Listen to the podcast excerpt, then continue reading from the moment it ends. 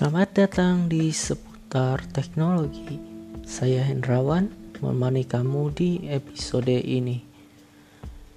Kita akan membahas bagaimana kehidupan seorang software engineer.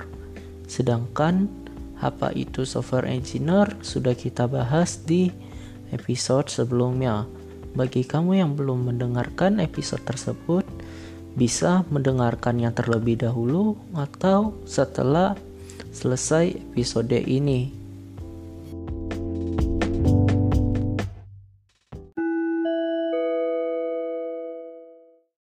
Sebelum saya menjelaskan bagaimana kehidupan saya saat ini, akan saya ceritakan dulu awal mula saya berkomitmen untuk menjadi seorang software engineer.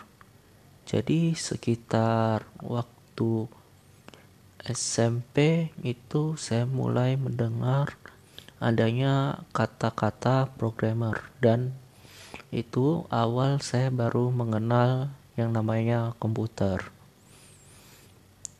Untuk menjadi seorang programmer itu saya berkom mulai berkomitmen dari SMP dan kemudian saat SMK saya mengambil jurusan teknik komputer jaringan di salah satu SMK yang ada di kota di mana saya berada yaitu di Tanjung Pinang. Meskipun jurusan saya saat itu adalah teknik komputer jaringan, namun saya mempelajari beberapa bahasa pemrograman secara otodidak, seperti HTML, CSS, dan JavaScript. Aplikasi pertama yang saya buat adalah aplikasi pembayaran menggunakan Microsoft Access, di mana aplikasi itu saya mengikuti dari panduan buku yang saya beli saat itu. Singkat cerita, saya mengambil jurusan teknik informatika di salah satu universitas swasta di Jakarta saat ini. Masih berstatus sebagai mahasiswa.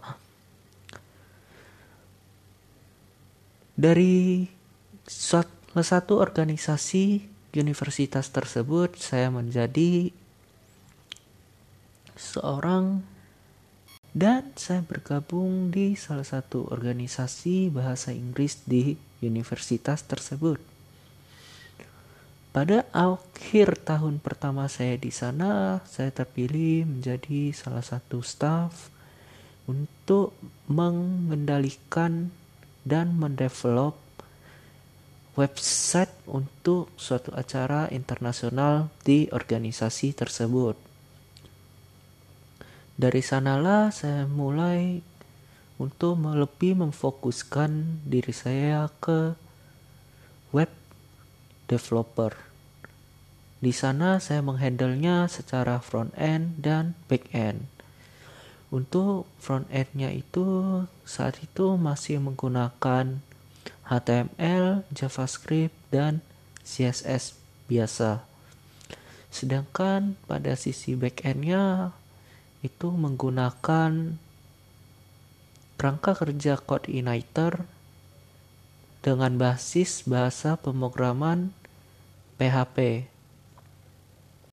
Setelah cara tersebut, saya kembali terpilih sebagai manajer di organisasi tersebut, di mana saya di sana menghandle dan mendevelop beberapa website yang tersedia di organisasi tersebut.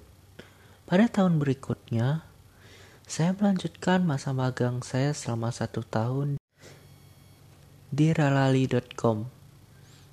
Di sana posisi saya sebagai seorang front-end engineer.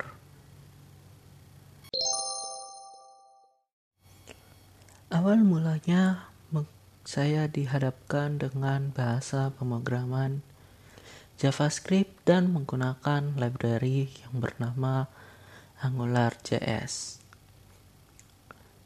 Di sana karena bentuknya adalah perusahaan dan saya sebagai seorang mahasiswa magang, tentu saja tidak bisa bergantung 100% kepada mentor yang disediakan oleh perusahaan tersebut.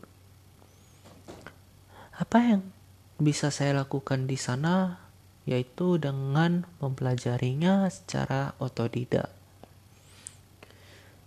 Ya dengan cara searching-searching yang ada di internet baik itu dari Google, Stack Overflow maupun beberapa website lainnya.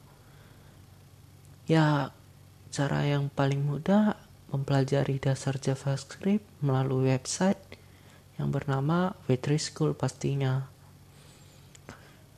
Dan karena dari background saya sebelumnya sudah bisa JavaScript, maka yang banyak saya pelajari adalah di Angular JS-nya karena terdapat beberapa sintak dari library tersebut yang tidak familiar untuk saya gunakan. Setelah enam bulan saya di sana, mulailah berpindah menggunakan library React.js dan di sana saya mulai pelajarin lagi library baru dan hingga saat ini saya mempelajarinya itu secara otodidak. Sehingga kesimpulan yang bisa saya berikan di sini yaitu untuk menjadi seorang software engineer tentu saja kita tidak bisa bergantung 100% kepada senior yang ada di perusahaan maupun di komunitas. Tentu saja kita harus mencobanya sendiri dan mencarinya sendiri untuk menemukan jalan keluar dari permasalahan yang kita temukan.